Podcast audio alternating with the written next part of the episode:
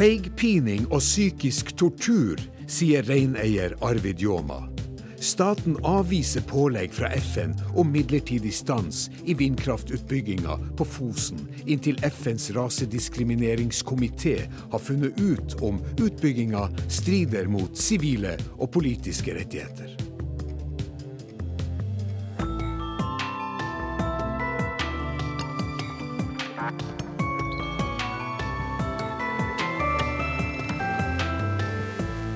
På Fosen i Trøndelag bygger Statnett Europas største vindmølleanlegg. Reineierne og miljøbevegelsen protesterer. Reineierne har gått flere runder i rettssystemet for å stanse utbygginga. Saken er ennå ikke ferdig, verken i det norske eller internasjonale rettssystemet. Likevel har norske myndigheter tillatt byggestart. Dette reagerer FNs rasediskrimineringskomité på, og ber regjeringa stanse arbeidene til saken er behandla i komiteen. Og Maja Kristine Ljåma, du er også reineier på Fosen, og du står sammen med din slektning Arvid Ljåma, som jeg siterte innledningsvis i, i ledelsen for aksjonen her. Og seigpining, sa han blant annet. Hvordan har du opplevd kampen mot norske myndigheter? Seigpining, ja det, det, er det. Vi har eh, holdt på med dette her i mange år allerede. Og å kjempe mot staten, eh, det er ikke en lett oppgave, nei. Og det, det tar mye krefter. Og tar mye tanker òg, egentlig. Eh, mens, ja. man, man, tenker jo på dette her hele tida. Ja. Maja Kristine Jåma, jeg, jeg merka meg at uh, statens eget uh, organ, Reindriftsforvaltninga for Nord-Trøndelag, allerede i 2008 ved utbyggingssakens innledende fase slo fast at uh, de samla inngrep over lang tid i området deres var så store at det er sitat, grenser for hva dette reinbeitedistriktet tåler av utbygging, og, og konkluderte da med nei til vindkraft. Og hvorfor er det sånn at fagmyndighetene på reindrift eh, ikke er blitt tatt hensyn til eh, opp igjennom hele den prosessen, tror du? Ja, det, det kan man spekulere på. Sjøl om man forteller eh, våres, forteller våre syn, våre eh, eh, ja, tanker Det er jo vi som Vi, eh, reinbeitedistriktet sjøl og reindriftsforvaltninga, som er eksperter når det kommer til reindrift. Ja. Og at ikke man blir hørt på når man, man, sier det man sier. Det er jo bare et nytt eksempel på at det foregår over, overgrep og overtråkk fra, fra, myndighetene. Når man ikke får være sin egen altså få, Hva skal jeg kalle det? At man ikke får lov til å bli tatt på alvor for, man, for den man er. Det, det er betenkelig. Mange vil jo kanskje innvende at uh, vel, alle må jenke seg litt etter storsamfunnets krav. og uh, hva, hva du svarer på en sånn innvending? Man, man får jo høre det, det, her ofte, at man må jo gi litt. Altså, ja, Alle må jo gi litt. Jo, vi har gitt. Vi har gitt opp gjennom tida. Vi har gitt arealer. Vi har uh, gitt fra oss vårt språk. Vi holder på å miste vår identitet. Og vi, vi har ikke mer å gi. Og vi har faktisk ikke noe mer landskap å gi, vi har ikke noe mer areal å gi. Vi er på grensen her nå til vi, hva, vi faktisk, hva, vi faktisk, skal klare. Så jo, vi har, vi har gitt, ja, men nå må det være nok. Det må ta stopp noen gang. Hva er det som vil skje på, på, på Fosen dersom uh, utbygginga får lov til å skride frem som planlagt? Det er jo veldig usikkert, det som kommer til å skje. Og vi, vi jo lever jo denne uvissa hver dag om hvordan det faktisk blir. Fordi vi kommer til å miste så mye, mye, areal at hele driftsmønsteret må, må, jo endres. Vi kan ikke drive på samme måten som vi gjør i dag. Men går det an og, å drive fortsatt? Det blir, det blir jo ikke plass til alle som holder på, rett og slett. Og en familie må jo slutte, eller en får aldri begynne.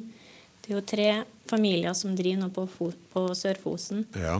Men jeg er redd at, eh, at noen må slutte, eller at at for eksempel en, en, jeg. Ja, nettopp. Ja, eller f.eks. jeg, da, som har eh, kunnet tenkt meg å drive med dette i framtida, aldri får den muligheten. Og det, den muligheten eh, vil jeg kunne bestemme over sjøl, men nå kan jeg ikke det. Nå er det noen andre som, som ja, bestemmer over meg. Hva er ditt budskap til regjeringa? Eh, nok må være nok. Og at man ikke har lært av historien ennå, er jo veldig betenkelig. Disse overgrepene skjer jo, har, alt, ja, har skjedd i alminnelig tid og skjer fortsatt. Og ikke bare på Fosen, men også andre plasser. Så jeg oppfordrer regjeringa til å ta det ansvaret på alvor. For jeg føler ikke at det blir gjort nå. Og tro eh, en sånn eksistens på Fosen, det er jo helt hårreisende, egentlig. Og jeg tror ikke, ikke myndighetene er egentlig helt klar over hva de holder på med.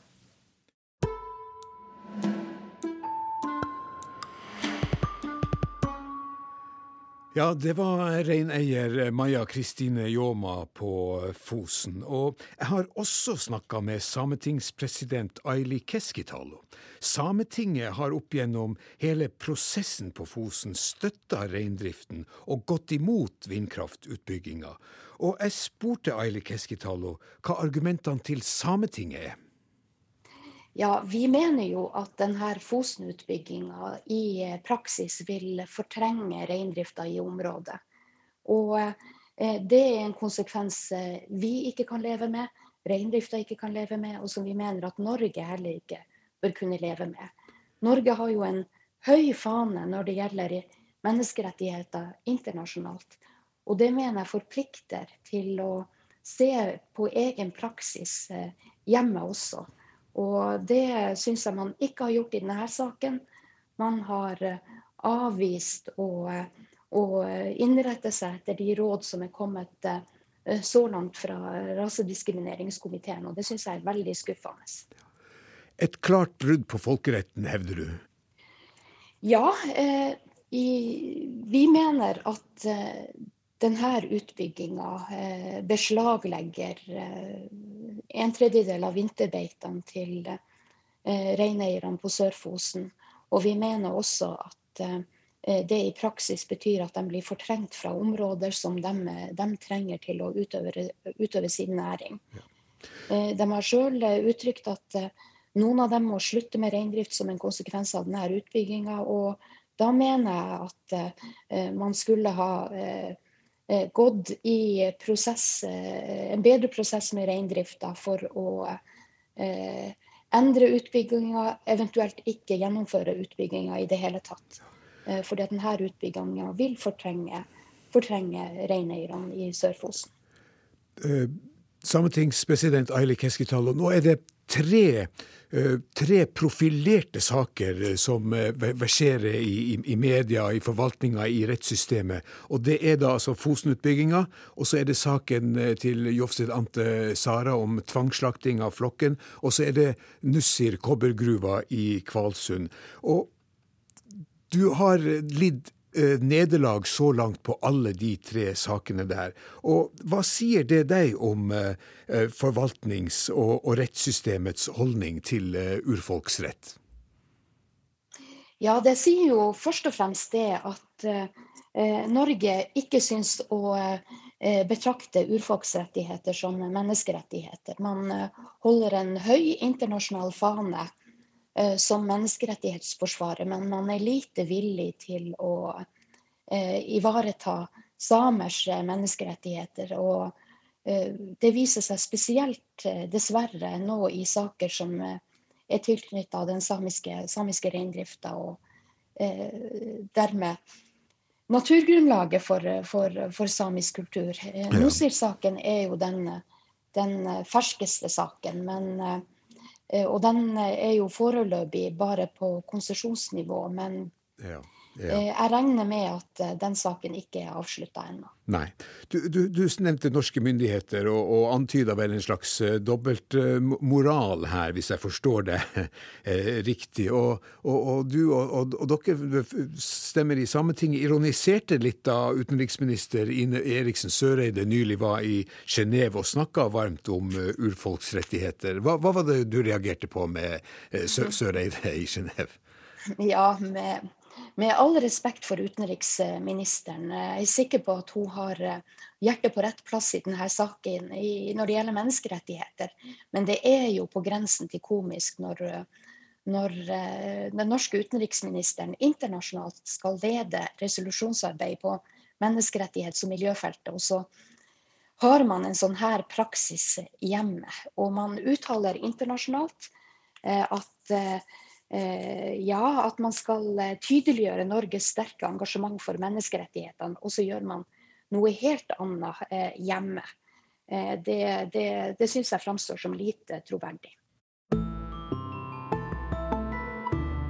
Det var sametingspresident eh, Aili Keskitalo. Og eh, med det, er, med det er temaet satt for eh, resten av programmet, hvor vi skal se på det prinsipielle i at regjeringa Solberg har valgt å se bort fra pålegg i FN i saker der det er tvil om Norge begår brudd på folkeretten. Hva betyr det for internasjonal rettsforståelse og rettspraksis for urfolk over hele verden at Norge velger å ikke respektere pålegg fra FN? Svekker Norge med dette eh, vernet av urfolk, eller er påleggene fra FN så urimelig at Norge med sin avvisning staker ut en ny og bedre kurs for rettsvernet for urfolk?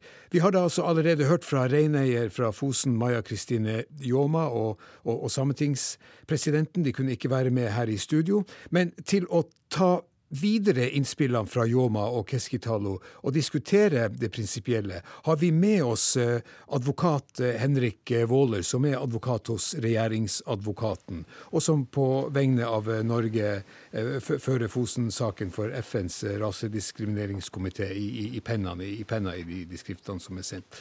Og vi har også med president i Samerådet, Åsa Larsson Blind. Vi har professor i rettsvitenskap ved Universitetet i Tromsø, Øyvind Ravna. Eh, fagdirektør ved Norges nasjonale institusjon for eh, menneskerettigheter, Laila Susanne Wars. Og sjefredaktør Jon Arne Moen i Trønderavisa. Og, og først til deg, sjefredaktør eh, Jon Arne Moen.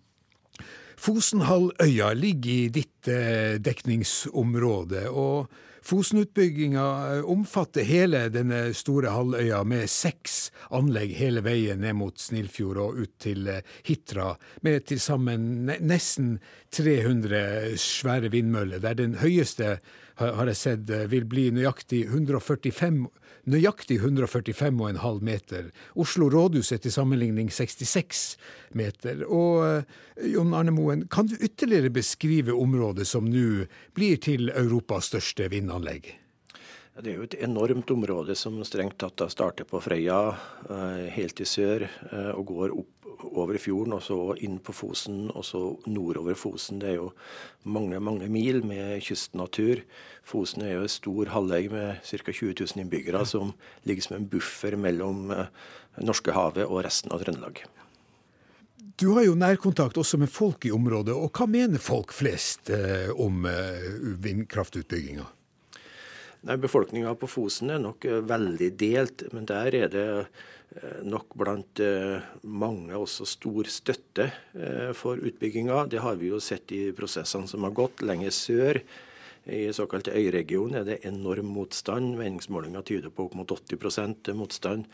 Så det er veldig delt, avhengig av hvilket område vi snakker om, tyder det på. Ja. Men du har i din avis tatt stilling? Ja, vi har, jeg har tatt stilling. Jeg mener at det er litt sånn som vi hørte her, at Maja Kristine Jåma sier en eller annen gang må det stoppe. Og jeg syns at summen av saker hvor de samiske interessene må vike, eh, har blitt så stor. Den sørsamiske reindrifta er så sårbar og er blitt pressa gjennom så mange tiår at jeg er usikker på hvor mange sånne delnederlag man tåler før det går eh, veldig utover hele kulturen. Så Derfor har jeg kommet til at denne gangen så burde faktisk storsamfunnets behov eh, gått til side, og at man skulle latt den samiske de samiske interessene vinne fram. Du skrev i din avis, eh, Trønderavisa, på samenes nasjonaldag den 6. februar i år at dagen eh, nok blir feira med, med, med, bismak i skyggen av vindkraftutbygginga på eh, Fosen. Og eh, hva, hva, tror, hva, hva, tror, du eh, vil skje nå fremover eh, i, i denne saken her? Nei, På bakken så skjer jo det som er forventa når da regjeringen inntar det standpunktet den tar, nemlig at utbygginga fortsetter. Eh, og Det er jo det som frustrerer og opprører mange fra samisk side, og mange som støtter den samiske sida. At eh, på et eller annet tidspunkt så vil jo utbygginga, hele utbygginga komme så langt at eh, det er, altså det er ikke mulig å reversere det. Vi ser jo at deler av utbygginga er jo allerede for lengst passert et stadium hvor det ikke er mulig å stoppe. Og man frykter selvsagt at før saken i hele tatt kommer til realitetsbehandling i rasediskrimineringskomiteen, så, så spiller det ingen rolle hva komiteen måtte komme til, fordi at uh, vindmølleparken vil stå der ja. ferdig. Hva synes du, som følger denne saken, om at Norge velger å se bort fra anmodninga fra FNs rasediskrimineringskomité og utsette utbygginga til komiteen er ferdigbehandla? Jeg mener politisk det problematiske med det er jo selvfølgelig at Norge mister troverdighet når man kritiserer andre for langt verre eh, overgrep. Eh, dette er jo ikke verken snakk om etnisk rensing eller eh, folkemord eller den type forbrytelser. Men det er noe med at når Norge som en nasjon som alltid har hevda FN og FNs myndighet i denne type spørsmål, selv velger å sette til side en, en sterk anmodning når det rammer oss, så er det klart at da blir det også verre for oss å kritisere andre. For andre kan også si at jo, men vi har også tungtveiende grunner for å ta de valgene vi tar, og å velge å se bort fra FN. Jeg tror at resultatet vil, vil bli at Norge svekker seg politisk i, i møte med andre type utfordringer. Vi skal gå videre også på, på den uh, tråden etter hvert. Uh, men først til deg, Åsa Larsson Blind. Du er leder for Samerådet, som er sam eh, samarbeidsorganisasjon for samiske organisasjoner i alle nordiske land og Russland. Og du har på vegne av reindriftssamene på Fosen vært med å fremme saken for FN. og og du mener i likhet med redaktør her, Jon Arne Moen, at uh, Norge viser manglende respekt overfor FN med å trosse beslutninga om midlertidig stans på, på, på, Fosen. Kan du utdype ditt standpunkt? Ja, eh, ja, det er mye, mye bra som har blitt sagt, og jeg syns at det frem til nå også kom frem en veldig bra bilde av hva denne, eh, denne saken handler om. Og, og just i, i den saken så uppfattar ju vi, precis som också sametingspresident Aili Keskitalo sa, att eh, Norge håller en hög fana när det gäller mänskliga rättigheter i andra, i andra saker. Men eh, när man då får en, ett beslut mot sig så vill man inte acceptera det. Er du overraska over eh, norske myndigheter, eh, eller er det business as usual? Vi ser jo tendenser, og vi ser at eh, det inte är lätt att eh, få respekt för de samiska rättigheterna. Och det här är ju någonting vi inte enbart ser i, i Norge utan det här ser vi ju även på andra delar i Sápmi. Men med det sagt så måste jag väl ändå säga att eh, man blir väl lite förvånad över sättet det görs på.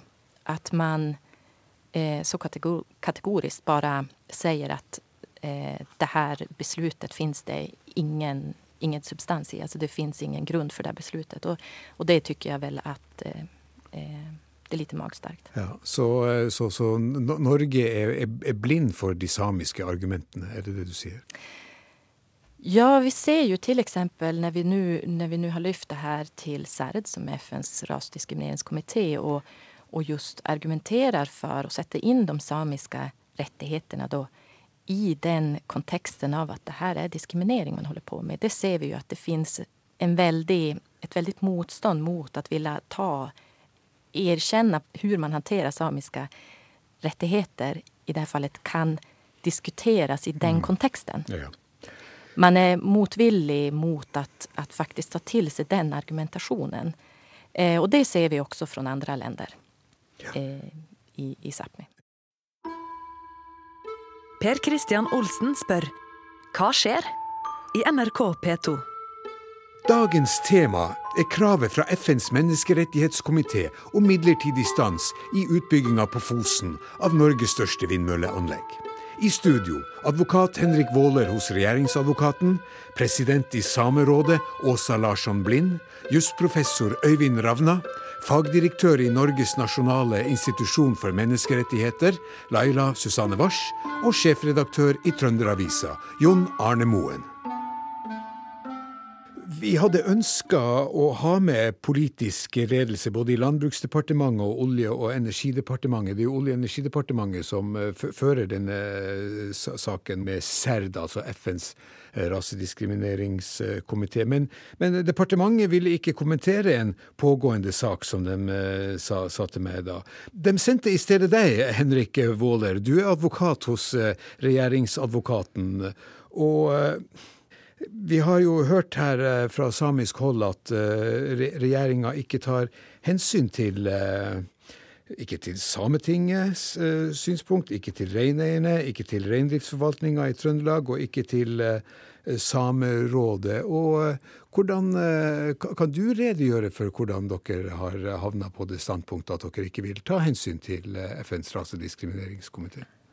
Ja, Det er vel først grunn til å påpeke at slike anmodninger fra FN-komiteer, herunder FNs rasediskrimineringskomité, de er ikke det vi kaller rettslig bindende. altså De er rådgivende man vil, men de er altså ikke bindende for staten i den form at de kan få noen rettslige konsekvenser om man ikke tar de til er det, følge. Er det helt riktig? Altså Har ikke Høyesterett eh, uttalt at man skal ta stor, eh, stort hensyn til hva komiteen eh, Det har Høyesterett i hvert fall sagt på et tidligere tidspunkt. Ja, det går på den rettskildemessige verdien til de endelige uttalelsene i komiteen. Dette er jo en anmodning som kommer i, som en ledd i prosessen, altså et ledd om at man skal stanse. Og det er, det er viktig Så da skal, være, høre, da skal vi ikke høre på det, da? Det er viktig å være bevisst på hva som har skjedd her. Staten er generelt sett lyder av for slike anmodninger, men det må være et rettslig grunnlag for det. Eh, for det er slik at man gjerne må foreta en nasjonal vurdering både av det rettslige og det faktiske når man skal vurdere om man skal ta en sånn anmodning til følge. FN-komiteene har ikke samme oversikt over sakens eh, faktiske side eh, som det typisk norske organer har når de sender en slik anmodning. Og Det som har skjedd i den saken her, er jo at Rasediskrimineringskomiteen har sendt en anmodning om stans i byggearbeidene på Storøya utelukkende basert på et brev som klagerne har sendt til komiteen. Stat mener at det faktum, eller den faktiske fremstillingen som gis i det brevet, den er uriktig på en rekke punkter.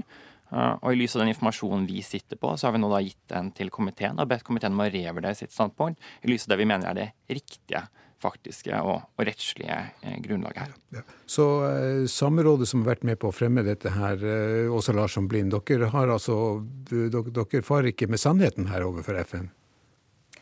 Ja, det, det, skulle jeg vel ikke skrive under på. Utan jeg skulle snarere si så at de som sitter i komiteen, er jo eksperter. Og eh, man har altså på det brevet og det som vi, den argumentasjonen som vi har ført fram, ändå kommit till det beslutet att det här är så pass allvarligt. Det kan vara så pass allvarligt, så som vi har argumenterat för. Och Särd handlar ju inte varken impulsivt eller omotiverat. Utan man har alltså på den argumentation som vi har fört fram tagit beslutet att det bör beslutas om ett tillfälligt stopp för att man ska kunna utreda det här ordentligt. Alltså har man tagit vår argumentation på allvar och man har sett att det kan få sådana konsekvenser ja, som vi har ja, fört fram ja. och därför måste man eh, tillfälligt stoppa för att kunna utreda det här. och att man inte tar det på allvar, att SERD faktiskt har funnit det är så allvarligt att man har gjort det. Ja. Trots att man naturligtvis har vetat att byggnationerna pågår. Man har vetat vilka konsekvenser det skulle få. Ändå har man tagit det beslutet. Det tycker jag ju att man borde ta på ytterst allvar. Ja. Eh, just eh, professor Øyvind Ravna, du ba om ordet. Ja, altså Man må vel nyansere det bildet litt når det gjelder betydningen både av, av FNs rasediskrimineringskomité og FNs menneskerettighetskomité. Det er vel eh, riktig slik at midlertidige avgjørelser ikke har, har eh, bindende virkning i seg selv, men eh, det er jo absolutt anerkjent at de her to komiteene har stor rettslig betydning. Og det har jo Høyesterett påpekt helt tilbake til den såkalte Ankenektdommen i mm. plenum i 2008, og gjentatt en rekke ganger. Så det er litt overraskende at man på en måte prøver å vanne ut betydningen av FNs eh, rolle her. Skal vi høre med advokat hos regjeringsadvokaten Waaler. Eh, du, du vanner ut? Som sagt så er generelt staten generelt sett lydhør for slike anmodninger, uavhengig av hvilken rettslig status de har.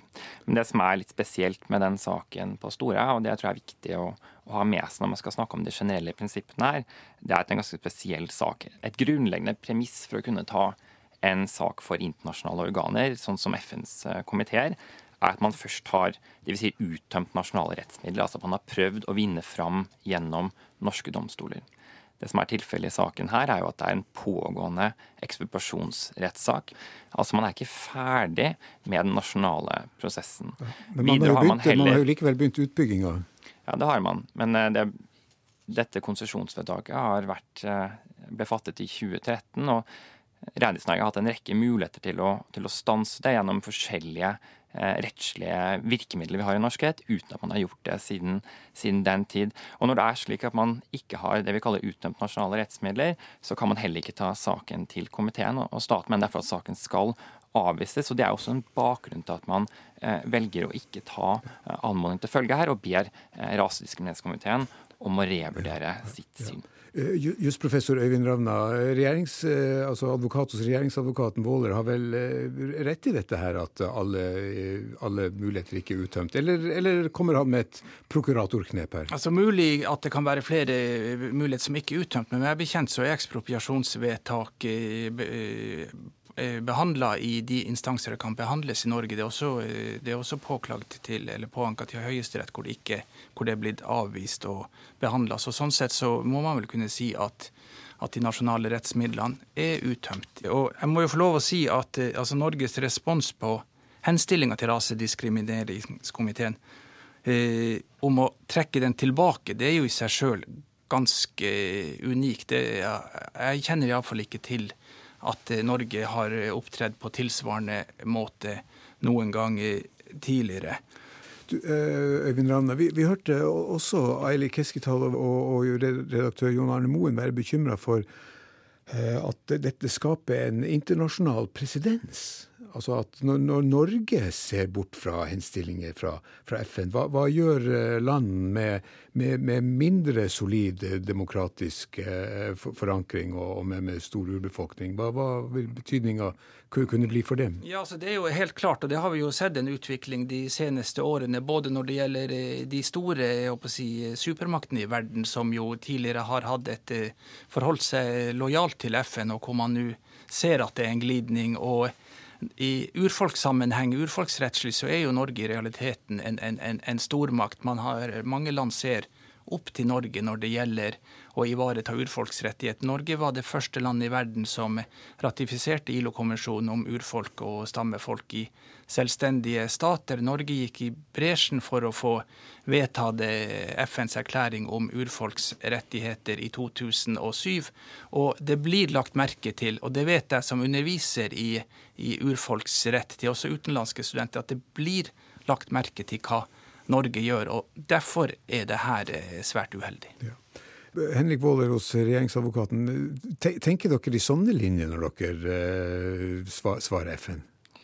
Du, De internasjonale ringvirkningene av det her er nok noe politikerne må svare på. Det, det kan ikke jeg som, som statens advokat uh, sitte og uttale meg om. Men jeg tenker det som er viktig å få fram her, det er jo det at uh, det er grundig vurdert allerede konsekvensene for reindriften ved utbygging på Stora gjennom to meget grundige vedtak. Et vedtak fra Norges vassdrag- og energidirektorat, og så da klagevedtak fra Olje- og energidepartementet. De vedtakene er fattet over en prosess som tok mange år, på bakgrunn av to omfattende konsekvensutredninger der man gikk inn og, og så på situasjonen for reindriftsnæringen på Fosen.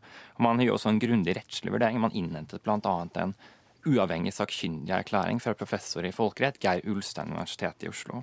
Og På den bakgrunn så mente man da likevel eh, at utbygging på Stora eh, ikke ikke eh, ville true eksistensgrunnlaget til reindriften på Fosen, og at det var i, i samfunnets, uh, samfunnets, beste at man, man, bygde ut det prosjektet.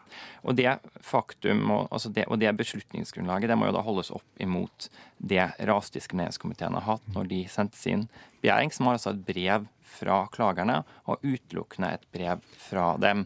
Så det handler noe om hva, hvilke beslutningsgrunnlag og hvem er det som har nærmest til å, til å opplyse sakene og foreta de vurderingene som her må man få. Du, du, snakker om et bredt grunnlag, men altså alle samiske, alle samiske råd, eh, organisasjoner, eh, faginstanser er jo eh, imot, sånn at da, da, er det vel ikke helt riktig det du sier? Når uh, Reindriftsforvaltningen uttalte seg i 2008, og det er viktig å ha med her, bakenhistorien på, Fosen var at man hadde prosjekter for hele 23 vindkraftverk og skulle utbygges. Gjennom konsesjonsrunden så ble det redusert til seks, hvorav Store er det eneste prosjektet i, grupp, i, i området, denne sørgruppen, som har tatt denne saken innenfor FNs ras- og. Gjennom dialog med reindriften har altså antall prosjekter på Fosen blitt redusert dramatisk og kraftig. Eh, Øyvind Ravna, du ba om ordet. Ja, altså Selv om utbygginga er blitt redusert, eh, kall det gjerne dramatisk, så er det jo fortsatt Europas største vindmølleanlegg, og det må man ha i bakhodet. Og det er en liten samisk næring som utøves her. Så dimensjonene her, de er, de er enorme, og, og, og ubalansen, den, den, den er stor.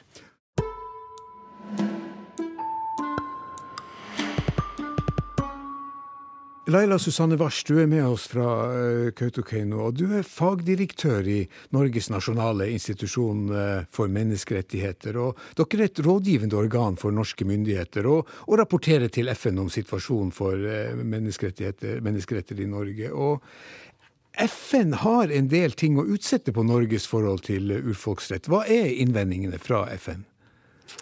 Du, det er en eh, lang, lang liste, så jeg tror ikke vi rekker å ta hele den lista nå.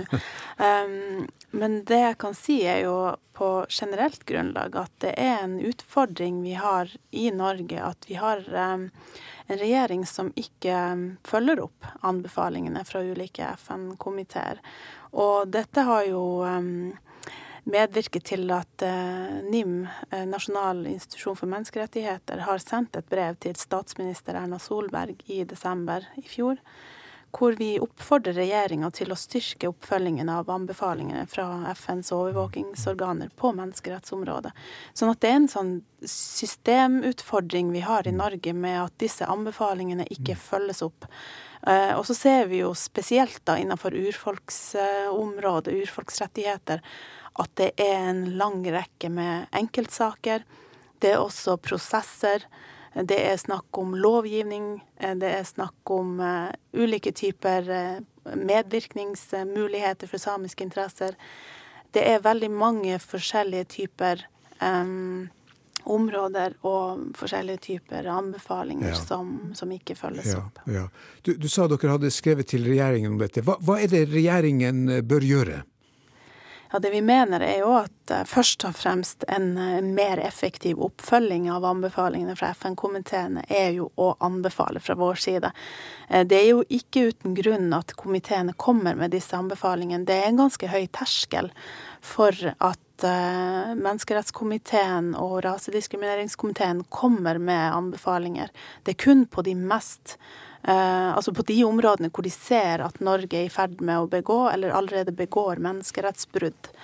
Og det er jo, Anbefalingene er der for at de skal, vi skal unngå at Norge bryter menneskerettigheter. Men det skjer. Det skjer jo selvfølgelig i Norge også at, um, at vi bryter menneskerettigheter. Så vi har uh, vår rolle er jo å overvåke rettighetssituasjonen i Norge. Mm. Eh, det er jo NIM som skal komme med disse anbefalingene våre i vår årsmelding til Stortinget. Så skal Stortinget vurdere de, og, og be regjeringen om å følge opp.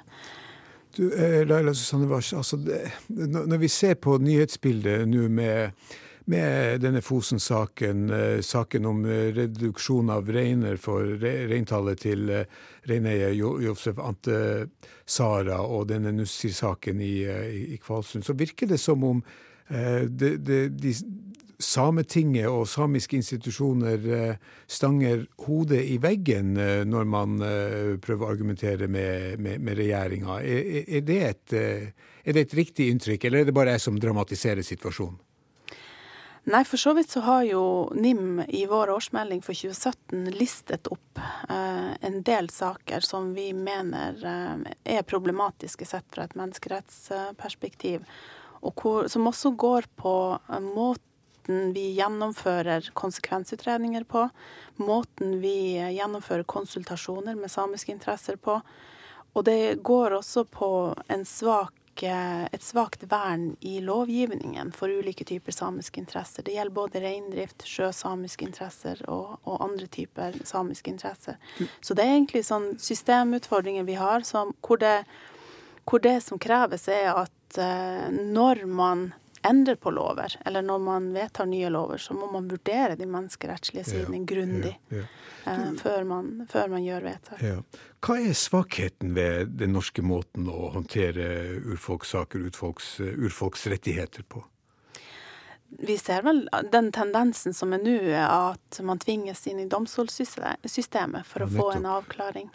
Um, Nå skal ikke jeg si om det er godt eller dårlig. Det kan jo også være bra å få en rettsavklaring i domstolene på hvor langt Norges folkerettslige forpliktelser går. Men uh, det forutsetter jo at du har domstoler som har kompetanse i urfolksrett. Mm. Og, og, det kan man jo kanskje stille spørsmål ved om domstolene besitter en sånn type kompetanse. Uh, når du kun har ett juridisk fakultet i Norge som tilbyr en sånn type utdanning i urfolksrett, og det er jo Universitetet i Tromsø. Ja. Ja. Eh, Øyvind Revna? Det er jo veldig viktig det som eh, Laila Susanne kommer inn på her. For, for det er klart, eh, samiske forhold de er annerledes enn, de norske. Det er en erkjennelse i Norge, i Norge at, at, nasjonalstaten Norge er bygd på territorier til to folk som hver har sin egen kultur og sitt eget språk. Og også innenfor eh, retten for, innenfor jussen så har jo eh, de siste 10-20 årene er det blitt lagt til grunn at man skal legge vekt på de spesifikke samiske forholdene. Altså naturbruk, arealbruk, samisk kultur. Rett og slett rettighetenes art, både når man tar stilling til om de er til stede, og hvordan de står seg ved inngrep. Den kunnskapen her, den, den er på en måte Eh, avgjørende for å kunne ta forsvarlige avgjørelser. Ja. Eh, norsk rett har jo eh, fram til ganske nylig vært basert på at man har på en måte fri adgang til å gjøre inngrep, bare man gjør opp for det økonomiske tapet den enkelte blir utsatt for. Det er jo forankra i Grunnlovens paragraf 105. Og i utbyggingssaker overfor samiske interesser, reindriftsinteresser, har man også hatt det standpunktet at bare man betaler at den enkelte som blir utsatt eh, for et økonomisk tap, hvis han, han, blir kompensert fullt ut, så er det OK. Eh, men i 1999 så vedtok jo Norge menneskerettighetsloven, som inkorporerer FN-konvensjonen om sivile og politiske rettigheter eh, med forrang fremfor norsk nasjonalrett. Og i eh, artikkel 27 så stilles det opp en terskel for inngrep. Så man, man endrer rettssituasjonen på den måten at man, eh, det er ikke lenger nok å betale for inngrepet. Hvis et inngrep kommer over en viss, viss terskel, så er det eh, forbudt etter internasjonal rett, og dermed også etter norsk rett. Altså det er en krenkelse av menneskerettigheter Norge har forplikta seg til å følge. Det, men vi, vi, lever med et etterslep. altså Norsk, norsk rettspraksis har ikke tatt fullstendig inn over seg eh, denne artikkel 27 om sivile og politiske rettigheter? Ja, det kan man, kan man si, for den, den, blir ikke kanskje sett på som like tungt, tungtveiende rettskildemessig som den bør være. Altså, den er på, den er på høyde med, med grunnlovsbestemmelsene i norsk rett, og det burde være en eh, selvfølge at man forholdt seg til den, men det blir ofte argumentert med at den er for lite presis, den er uklar, og den er ikke like anvendelig som eh, norsk eh, nasjonal internrett på dette området. Eh, Samerådsleder Åsa Larsson Blind, er, dette situasjonen i, hele Norden og, Russland, at man eh, ikke tar, tar tilstrekkelig hensyn til eh, samisk rettsoppfatning og, de, de, de, de, rettigheter som, som samene har som eget folk? Ja, tyvärr er det nok kanskje så at vi ser jo at de, de systemutmaningar som også Laila Susanne prater om, de ser vi at det finnes eh, i alle de nordiske landene. Vi ser at eh, implementeringen av de samiske rettighetene og respekten for de samiske rettighetene eh, den fins ikke fullt ut i, på nasjonell nivå. Og jeg vil eh, også kommentere det som, som også sas tidligere av advokat Henrik Wahler, at eh, det er jo klarlagt i den saken at det faktisk kommer å påvirke reinskjøtselen i området negativt. Og jeg vil jo hevde da at man som stat måste ta en försiktighetsprincip. At man kan ikke gjemme seg bakom osäkerheter og si i det her fallet at vi vet ikke riktig hvordan det her kommer påverka. Altså kan vi ikke ta hensyn til det og da tillåter vi sånt her. Og det, her, det, er en, det, er en, argumentasjon som vi også ser på andre hold ja, ja, i de andre nordiske ja, landene. Og at man gjemmer seg bakom usikkerheter, og man også gjemmer seg bakom statens på noe vis rett å definere hva som er usikkert og ikke. Og tolke underlagen for beslut. Og det er, precis som Øyvind og Laila Susanne er inne på, eh, en kunnskapsbrist som vi ser overlag, og det er dessverre ikke enbart Kunnskap, kunns, ja, kunnskapsbrist, sier du. Eh, sjefredaktør i Trønderavisa, Jon Arne Moen. Det, det, virker jo som om vi har flere lag her med kulturkonflikter. Altså at eh, her er det oppfatninger som ikke snakker ordentlig sammen. Som observatør til dette her, hva, har du gjort deg noen refleksjoner om, om, om, det? Ja, det er jo et kjent mønster eh, på mange måter. Og det vi, det vi hører også av diskusjonen her, er at man veldig lett ender opp i en diskusjon om jussen. Eh, som eh, på mange måter er, blir et sidespor. Eh, for dette handler altså etter min mening først og fremst om politisk villa ja. virkelighetsetablering. Man etablerer en, en, virkelighet ut fra politisk vilje og vedtak. Og Det som er problemet, sett fra mitt ståsted, er at man behandler alle saker enkeltvis. Og det er noen gang sånn at Når man tar mange saker og skiller dem ut og ser på dem isolert sett, så vil man alltid finne argumenter for og imot. Eh, det er alltid ulike hensyn mot hverandre. Eh, noen må vinne, og noen må tape. Det, det blir det alltid. Men det er når man, og hvis man fortsetter å behandle saker som berører den samiske urbefolkningen og deres interesser som enkeltstående saker, så vil de, så å si pga. kjøttvekta, alltid taper, For at storsamfunnets behov veier tyngst. Så jeg mener jo det er noe av svakheten ved hele måten vi betrakter denne type saker på. Vi bør på en måte løfte oss litt opp og så se eh, helheten i det. Og det helheten jeg mener er først og fremst problematisk. Ja, ja. Så du etterlyser egentlig en politisk vilje? Ja, jeg håper jo det er mangel på politisk vilje, at ikke det motsatte. Det Men du mistenker vilje. noe verre? ja, man kan jo altså Når man ser på helheten i det, så kan man jo mistenke at man over tid vurderer dit hen at eh, sakte, men sikkert så, så på en måte eh, lar man storsamfunnet bevisst vinne fram i alle sammenhenger. Uh, og, og, og, til syvende og sist så vil vi være på et tidspunkt hvor deler i alle fall av den samiske reindrifta og, og, den kulturen som er knytta opp mot reindrifta, faktisk blir borte. I, i, i Trøndelag, i den sørsamiske delen av landet, så er det en realitet. Altså, Sørsamiske reindrifta er trua hardt av rovdyr og hytteutbygginger og inngrep i innlandet. Og nå ser vi at man også trues av inngrep i, på yttersida av eh, Trøndelag, altså på, på kysten. Så summen av dette her er jo at den sørsamiske reindrifta reelt sett er i fare. Per Kristian Olsen spør hva skjer i NRK P2? Dagens tema er kravet fra FNs menneskerettighetskomité om midlertidig stans i utbygginga på Fosen av Norges største vindmølleanlegg. I studio advokat Henrik Våler hos regjeringsadvokaten, president i Samerådet Åsa Larsson Blind, jusprofessor Øyvind Ravna, fagdirektør i Norges nasjonale institusjon for menneskerettigheter, Laila Susanne Wars, og sjefredaktør i Trønderavisa, Jon Arne Moen. Det paradoksale med vindkraft er at den fremmes som grønn energi, men den møter også motbør fra miljøbevegelsen. Vi skal høre her Kjell Derås, som er sentralstyremedlem i Naturvernforbundet. og Han har fra starten vært motstander av Fosen-utbygginga, og jeg spurte han om ikke det er et paradoks at miljøbevegelsen er imot grønn energi.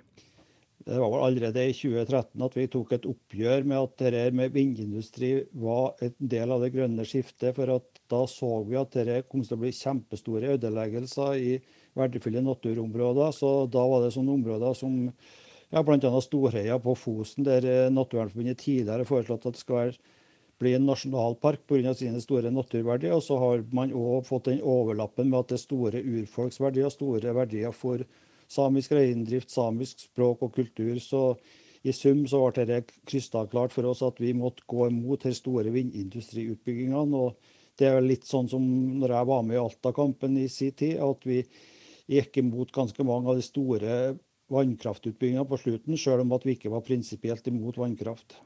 Nettopp. Så dere er ikke prinsipielt imot vindkraft? Nei, vi er ikke det. og Det er det som er den store og viktige forskjellen. at Vi vurderer hvert enkelt eh, prosjekt. og Her er Nord-Europas største vindindustrianlegg, det som er på Fosen. Så det, det er klart at dette er en helt formidabel inngrep i trøndersk natur. Men, men eh, når man har behov for mer eh, grønn energi, hvorfor kan man ikke tillate en sånn stor utbygging istedenfor mange små?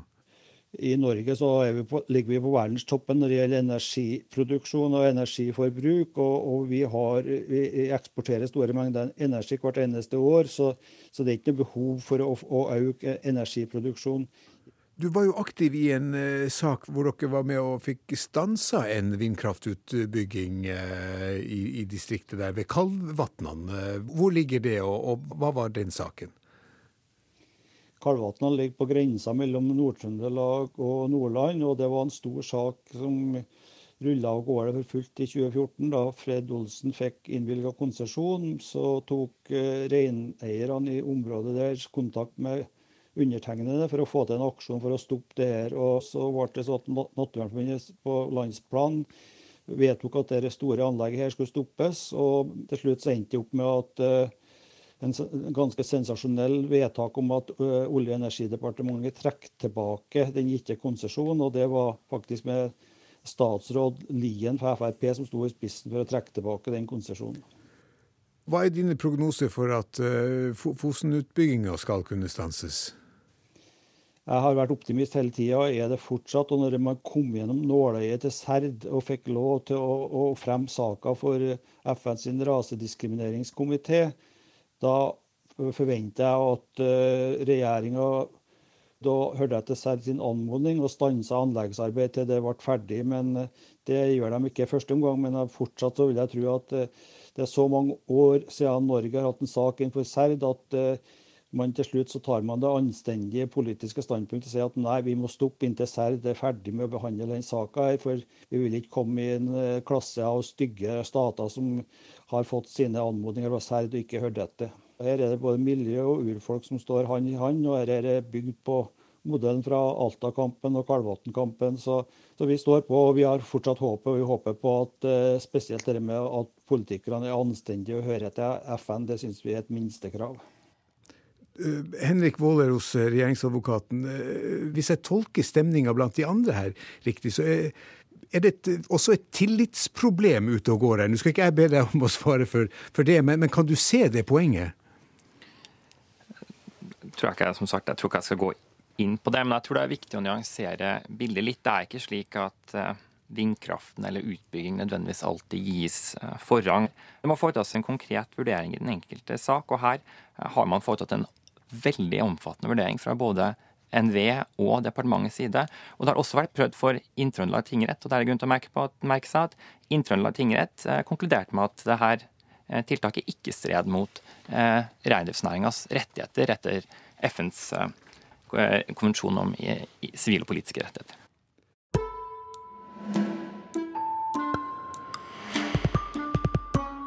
Januar skjedde det uventa og uvanlige at tre biskoper og samisk kirkeråd gikk ut og tok stilling i denne saken.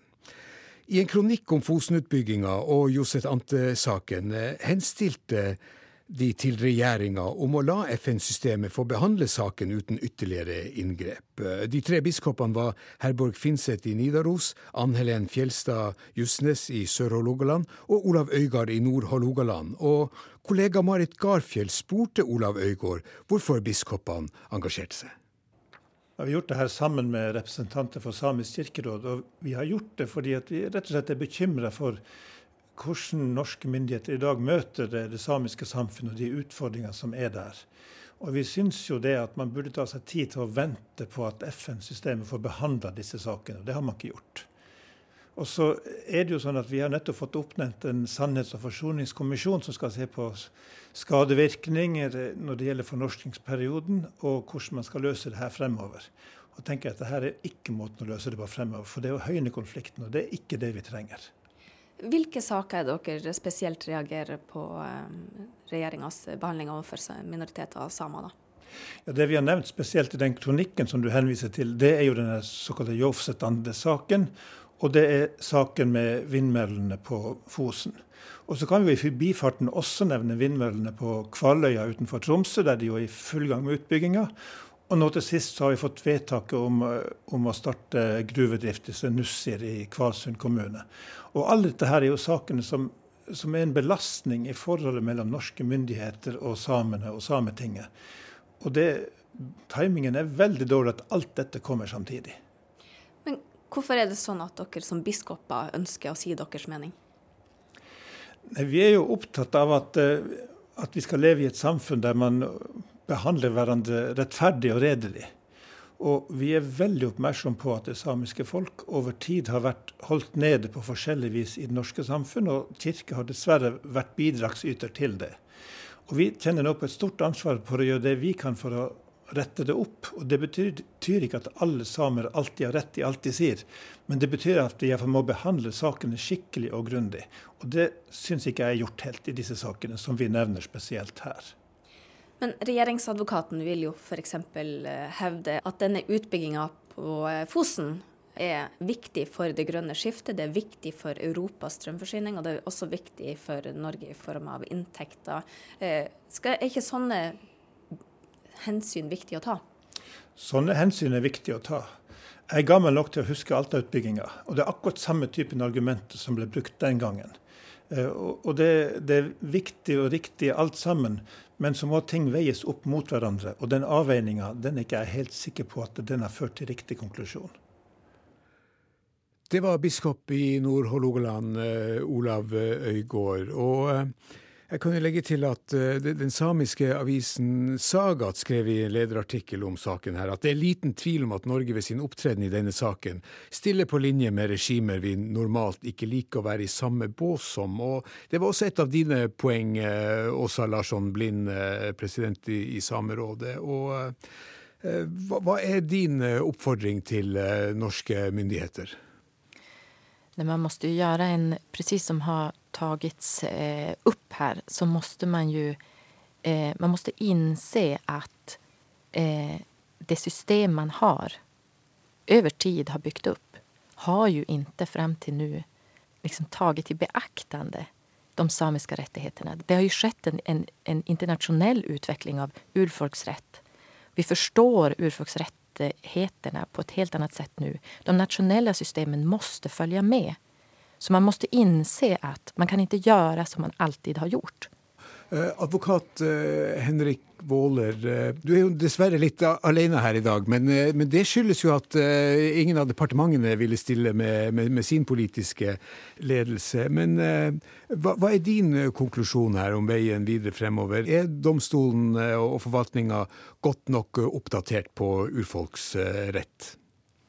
Som sagt så er staten generelt sett lydøre for slike anmodninger fra internasjonale organer, men nå er det nå engang situasjonen i den saken her at man har tatt en sak til komiteen uten at man har gjort seg ferdig nasjonale prosessen. Og man har heller aldri anført Nå gjelder jo den saken her diskriminering, og man har jo aldri tidligere påstått for norske domstoler at man har blitt utsatt for diskriminering. Så det er noe, det er noe helt nytt som, som, kommer nå. Og det er også en grunn til at man komiteen ikke kan behandle den saken her, for det er jo en forutsetning at staten skal få lov til å rydde opp eh, selv først. Og På den bakgrunn så mener staten at komiteen ikke skal behandle den saken her. og Da mener jeg heller ikke det er riktig å ta denne anmodningen til følge. For det å ta en anmodning til følge vil også ha store konsekvenser. og Det er det grunn til å merke seg. Eh, det å utsette utbyggingen på Storheia kommer til å påføre på, tap på mange hundre millioner kroner. Og Det gjør at man ikke kan starte produksjonen av vindkraft der på hvert fall to år. Og Det er vindkraft som er viktig, skal vi få til et grønt skifte. Og det er viktig også for at vi har et kraftunderskudd i Midt-Norge. Så De konsekvensene må man også løfte fram i en slik vurdering. Ja. Eh, sjefredaktør eh, i Trønderavisa, Jon Arne Moen. Hva er din refleksjon eh, over advokaten hos regjeringsadvokatens overlegninger over hva som er viktig i denne saken? Ja, For det første, kraftunderskuddet i, Trøndelag Midt-Norge er vel så vidt jeg vet tilbakelagt. Det var definitivt det for noen år siden, men det, sånn er det ikke akkurat nå. Eh, ellers så må jeg jo si at er man må antageligvis være advokat for å kunne i en sånn debatt hevde at spørsmålet om eh, menneskerettighetsaspektet i, i møte med den samiske minoriteten er av ny dato. At det tidligere ikke løfta fram. Nei, juridisk sett er det helt sikkert riktig, men i en politisk kontekst så blir det ganske meningsløst. Så saken må ytterligere politiseres? altså Dette må diskuteres med politisk fortegn? Jo, fordi det er, jo, det, er jo, ikke en juridisk beslutning å starte eh, denne utbygginga og andre utbygginger. Det er jo politisk, så det er jo der på en måte grunnproblemet ligger. Og med det er Hva skjer overfor eh, denne gang. I studio samerådsleder Åsa Larsson Blind, eh, advokat Henrik Våler hos Regjeringsadvokaten, eh, Jon Arne Moen, redaktør i Trønderavisa, Øyvind Ravna, jusprofessor ved Universitetet i Tromsø, og Laila Susanne Wars, Nasjonal institusjon for menneskerettigheter.